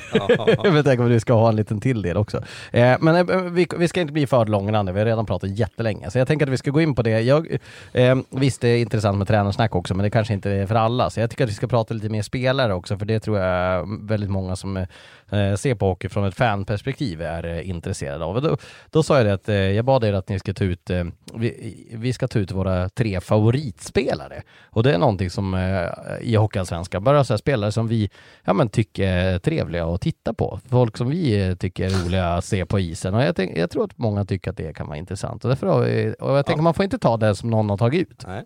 Så att, vem vill börja där då? Så, jag kan börja med en då. Ja. Jag sätter igång och säger Axel Ottosson, Björklöven. Eh, och jag grundar det på att han i tuff konkurrens i ett Björklöven som har många individuellt skickliga spelare tycker jag har tagit en tydlig profil. Han är intensiv i spelet, bra i farten, han bär puck, han utmanar. Jag tycker också han adderar med att vara han ser liksom förbannad ut och är grinig och jag ser reaktioner i båset. Det är säkert på ont och gott men, men hela hans aura tycker jag är eh, formas av bra självförtroende, karaktär. Det är en sån spelare som jag hade uppskattat, en sån där som jag förmodligen hade rykt ihop med med jämna mellanrum också. Men det, det har jag alltid tyckt om den typen av karaktärer. Så att Axel Ottosson är för mig en av så här långt eh, Hockeyallsvenskans bästa spelare. Nu, nu kommer vi då plocka ut de eh, som vi nu, nio spelare som vi helt enkelt tre var då, som, eh, som är värda entrépengen kanske vi kan säga. Eh, Harald, då får du ta nästa då. Ja, då går jag på lite yngre förmågor. Jag gillar Emil André i HV71 som säkert hade locktoner att spela i SHL den här säsongen. Jag tycker han har kloka rådgivare, väldigt klok själv också. Att gå med HV ner i, i Hockeyallsvenskan, få en större roll, få mycket istid, få spela powerplay och därmed utveckla sitt spel och känna sig mer mogen när han då får likadan roll i ett SHL-lag. Och han är ju jag gillar han för han är så oblyg. Han tar för sig. Han dribblar som siste man, tappar pucken någon gång, men han gör likadant nästa gång. och jag, jag, gillar den här fräckheten och, och ja. verkligen ta för sig hela tiden och våga spela ut sitt register för att bli bättre, prova sig fram. Och det är ju en stor tillgång och en, en av de bästa backarna de har i HV. Så att, Kanske eh, ligans bästa, ja en av ligans absolut bästa backar. Ja, det kan man ju tycka, men, men jag gillar också att, att många, det har blivit lite nytt, det är väldigt många unga spelare som kommer fram i den här ligan och vi har Norlinder, vi har Wallinder, eller på att säga, och allt vad de heter genom åren. Men det är många som har gjort en omstart i år i Hockeyallsvenskan och, och, gjort det väldigt bra. Och inte lyckats fullt ut i SHL så kommer ner och gör det jättebra här och är mer redo när den kommer upp. Man kan komma in på de namnen så småningom. Mm. Eh, mitt första namn då, om, om, jag, om jag bara säger eh, mitt epitet på honom, då får ni kanske gissa lite först. Då. Jag, jag skulle vilja säga att eh, eh, min första spelare är Hockeyallsvenskans Ronaldinho. Vem kan ni tänka att det kan vara? Och då tänker jag kanske mer, inte kanske på hur eh, personen spelar utan hur personen är på planen med leendet som fladdrar runt och man är, åker runt och är glad hela tiden. En dansk? Nej, nej det är faktiskt Isak Skedung i Västerås. Ja. Jag tycker att han är jäkligt skön och framförallt med tanke på om man ser hans resa. I fjol eh, hade jag en covid, han kunde typ inte träna på hela säsongen. Och eh, nu den här säsongen så tillsammans med Wikman, de hade ju Anton Svensson där, de laborerar med att Mattias From och spelar med dem också. De två hör ju nästan ihop, William Wikman och Isak Skedung. Ja, det har, känns som de har ju gått i ja. Leksands hockeygym tillsammans och kommer fram genom sin hockeykarriär. Men jag tyckte det var så himla härligt att se en, en hockeyspelare.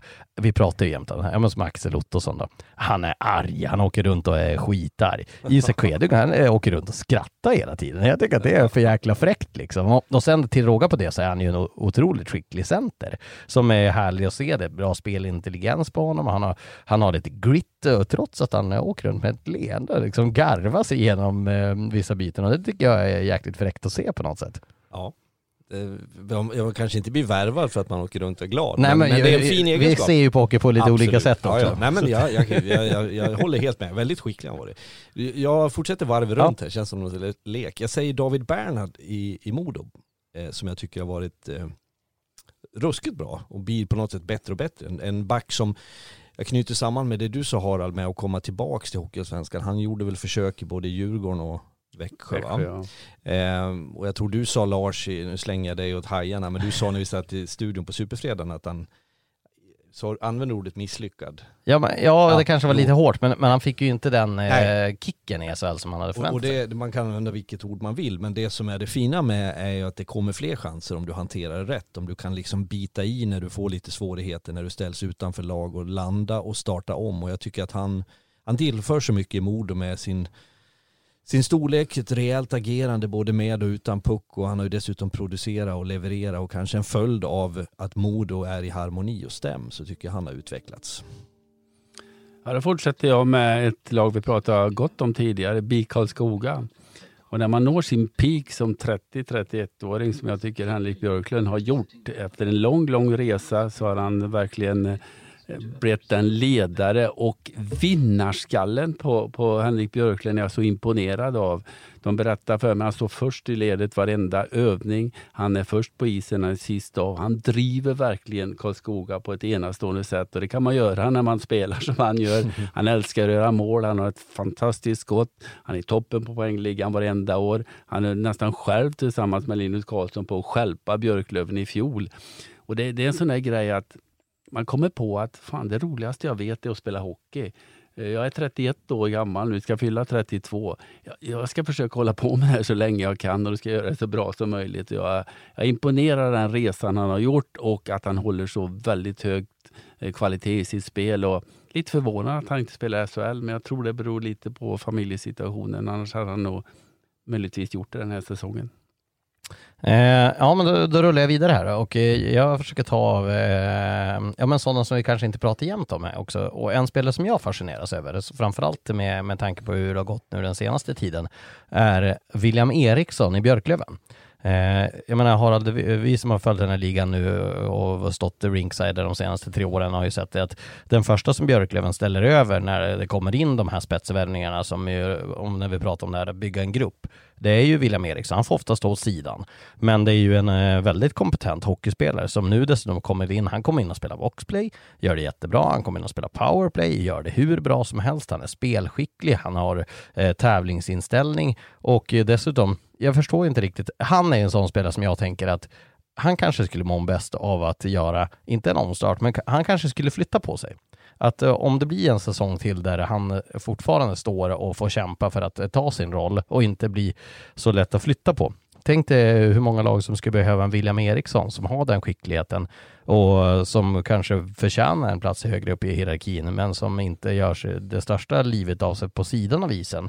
Vilket gör att han inte blir lika lätt att flytta på. Jag tänker, ja men till exempel Mora skulle må väldigt bra av, jag tänker att han skulle kunna få en Oskar Ståhl Lyrenäs utveckling om han skulle, för Oskar Ståhl Lyrenäs, eh, de som inte minns det, han var i Björklöven, blev utskickad när de värvade in Olle Liss och Fredrik Weigel för eh, förra säsongen var det väl. Eh, då fick Oskar Ståhl Lyrenäs åka till Tingsryd, gjorde det jättebra där, kom upp till Mora, fick spela med rätt omgivning med Lukas Wernbloom och eh, även eh, Ludvig Larsson. Nu är han eh, en powerplay-spelare i kanske SHLs bästa lag i Rögle och har ju fått en fantastisk utveckling på sin karriär. Och därför så tycker jag att William Eriksson som spelar, som jag tycker är jäkligt rolig att se och dessutom eh, som jag tror kan blomma och blomstra framöver också. Du har ett annat exempel där, David Lindqvist. Han ja. är ungefär i samma kategori i Björklöven. Nu är han första center i, i BIK Karlskoga. Mm. Och då adderar jag med att säga inte ett namn utan en princip. Jag tror att eh, många av de här spelarna vi nämner nu skulle må gott av ännu bättre rådgivning. Vi pratar agenter, vi pratar coacher, sportchefer, familj som, som var kan jag spela någonstans för att få mesta möjliga istid, förtroende, få spela i viktiga situationer när man plockar målvakt, när jag ska försvara en 2-1 ledning. Det är ju det som gör dig till en bättre hockeyspelare, inte vad du har om du får en snyggare bil med en bättre logga och lite mer betalt. Det är lätt att gå i den fällan och då går karriären snabbt åt skogen. Där skulle jag vilja dra upp Åke Stakkestad också som jag gillar. Ja. Att, äh, smart, bra rådgivare, eller också är han väldigt smart själv. Varför ska jag gå till en SHL-klubbs ja. Eh, hockeygymnasium? Det är större chans att spela ett A-lag i ett hockeyallsvenskt lag. Och nu är han en, liksom en viktig pjäs. Ja, precis. Spelar ju Norrlandslaget och på den vägen kommer Han tror jag kommer att få en häftig vår. Absolut. Ja. Han, han, skulle jag älska att gå in i ett slutspel med. Han ser ju ut som någon figur i någon sån här Bert eller Sune-serie. liksom, blicken säger sätt mig på isen. Han gjorde ett fantastiskt avgörande där i overtime mot Björklöven så att ja. eh, han är bra. Eh, men det var inte ditt val? Nej, nej. nej det var, fast för det har, har adderat lite fint sådär. Jag slänger ur med ett annat namn som vi pratade om mycket förut men inte lika mycket på slutet och det är AIKs målvakt Pavel Komchenko. Eh, och jag grundade på några saker. AIK har inte haft någon fantastisk säsong så här långt. De är ett mittenlag, de var till och med indragen där nere ett bra tag. Han har alltså släppt, jag tror att det är 2,05 mål i snitt och han är den som har stått i särklass flest minuter. Eh, det vill säga, då kan man ju se det från två sätt. Jo, men står du så mycket så blir du bra. Grundat på tesen jag sa nyss, absolut. Men det är också att det är skickligt att hålla det över tid i ett lag som liksom inte är högst upp. Så att han har varit väldigt viktig för AIK och tillsammans med eh, Johan Gustafsson, Västerås har varit bra. Jag tycker Waterlinen och, och Endre när de är på hugg i Björklund. Många bra målvakter men jag tycker att eh, Komchenko sett till förutsättningarna har gjort det grymt bra. Han kan ju inte ens prata svenska, knappt engelska. Nej, exakt. Mm, han leder ju målvaktsligan ja. också med ja. procent. Mycket, mycket bra. Det finns många att välja på, men jag måste ändå Daniel Ljunggren uppe i, i Mora tycker jag gör ett helt fantastiskt jobb. Han bär det här laget tillsammans med Johan Persson på sina axlar och säsong efter säsong så producerar han han borde skjuta lite mer för han har ju en 40 assist varenda år. Nu har han faktiskt gjort det. Gjort fyra mål? Ja, han har gjort det nu. Han har ett mål fram till jul. Men, men eh, alltså en lagspelare så, som är så kompetent och eh, ja, jag, jag gillar sådana som tar ansvar och, och, leder sitt lag på det sättet. Och en sevärd spelare för han är otroligt skicklig tycker jag. Och dessutom överlevde han en helvetes storm när han lånades ut från Mora till Leksand. Så att det kanske härdade honom. Ja men det var inte hans fel Nej, utan han, han var ju en bricka ju i det spelet. Ja, han fick ju skiten, han ska han absolut inte ha Nej. utan det var andra som skulle ha det i, i så fall. Yes. Eh, sista spelaren då, då, då konkluderar vi de här eh, nio spelarna och jag väljer då en, eh, ja men eh, en powerspelare. En kille som jag gillar att se på isen, det är ju Måns Lindbäck i HV71. Förra säsongen i, eh, i Södertälje gjorde ju ett eh, enastående mål framför kassen i Södertälje förra säsongen och hade, han trodde ju säkert att HV71 skulle vara i SHL, men skrev ändå på för dem och eh, har ju nu haft en, eh, en ledande roll i det här laget. Jag menar, han är femma i lagets interna poängliga, men framförallt så står han ju för den här eh, jag skulle säga att det är en ren power forward egentligen med viss eh, spetskompetens i, i sin teknik och spelskicklighet. Men just den här gritten, han eh, går konstant, han är, måste vara otroligt jobbig att möta.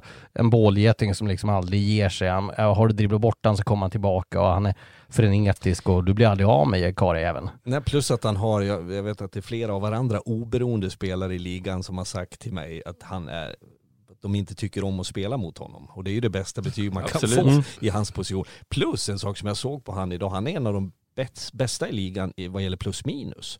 Det är sånt jag som tränare älskar. Eh, Så att jag adderade lite där till din godisblandning. Det är din arbetsroll här, att addera någonting till, om jag säger någonting ska du eh, Du är plusmenyn. Om jag köper en medium pommes då adderar du lite extra fett och flott i den där. Det är din roll. Ja, eh, men eh, det var väl nio intressanta spelare. Har vi Ja. sammanställt eh, ett gäng intressanta spelare i den här ligan.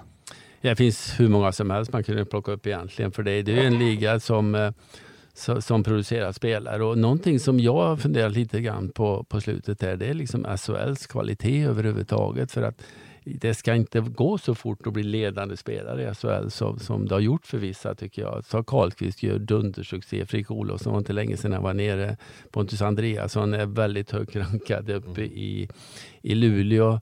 Du, du har flera som... Linus Karlsson Mm. Skellefteå. Ja, inte minst Jonathan Jonsson var, var i Modo för några år sedan. Och, det är ju jättekul att de lyckas, men på något sätt så för mig är det ett tecken på att, att kvaliteten i SHL har sjunkit lite grann när det ska gå så lätt att bli ledande spelare. Steget i, är mindre nu med Ja, det är mycket, mycket mindre. Och det, jag menar, backar du bandet 15 år så var det knappt någon som gick från Hockeyallsvenskan till SHL. Nu är det ju 20 stycken. Vad heter det? Vad heter? Ja, och jag tror att eh, sportcheferna i SHL skulle, skulle jobba ännu intensivare med att scouta i ligan. Det går att fiska i den dammen. Eh, det är lätt att fångas av något nordamerikanskt namn eller finska spelare som har blivit över.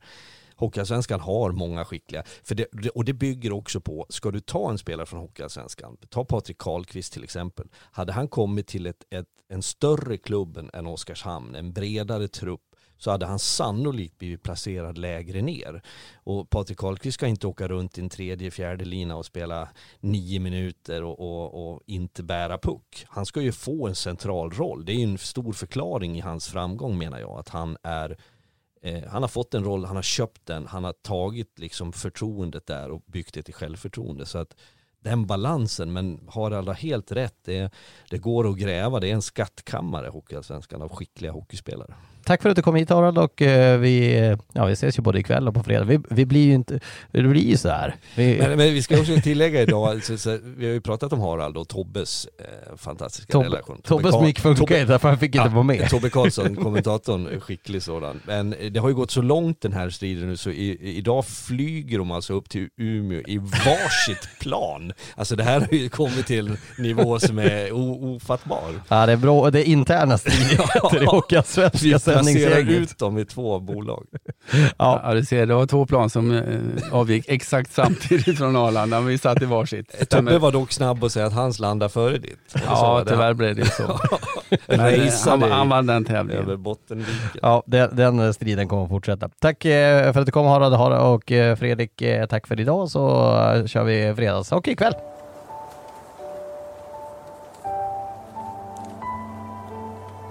People follow a sport like hockey, and they look for symbolism.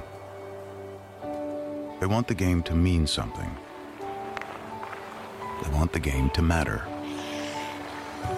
So to them, a fresh sheet of ice just after the Zambonis laid its final spray of water presents the purest vision of possibility they could imagine. Skates being sharpened over and over and over again are a meditation on perfection.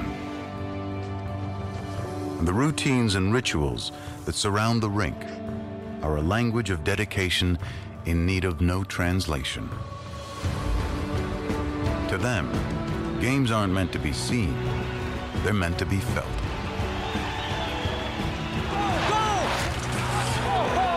Blood points a path directly to the heart. Sweat, a trail to the soul. And tears, a connection to a conviction that people search for their entire lives. The ones who look for something more, who believe in something more, are the ones who turn close games into unforgettable nights. Who transform great players into heroes for all time.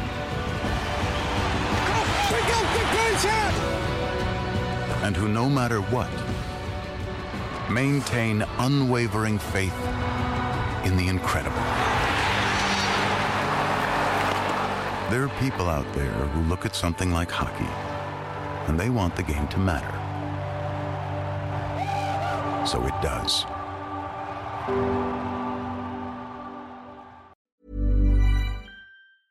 Selling a little?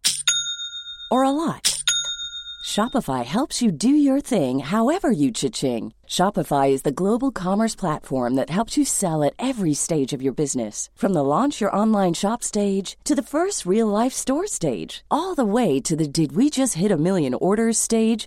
Shopify is there to help you grow. Shopify helps you turn browsers into buyers with the internet's best converting checkout. 36% better on average compared to other leading commerce platforms because businesses that grow grow with Shopify. Get a $1 per month trial period at Shopify.com slash work. shopify.com/work. Mom deserves the best, and there's no better place to shop for Mother's Day than Whole Foods Market. They're your destination for unbeatable savings, from premium gifts to show-stopping flowers and irresistible desserts. Start by saving 33% with Prime on all body care and candles. Then get a 15-stem bunch of tulips for just $9.99 each with Prime. Round out Mom's menu with festive rosé, irresistible berry chantilly cake, and more special treats. Come celebrate Mother's Day at Whole Foods Market.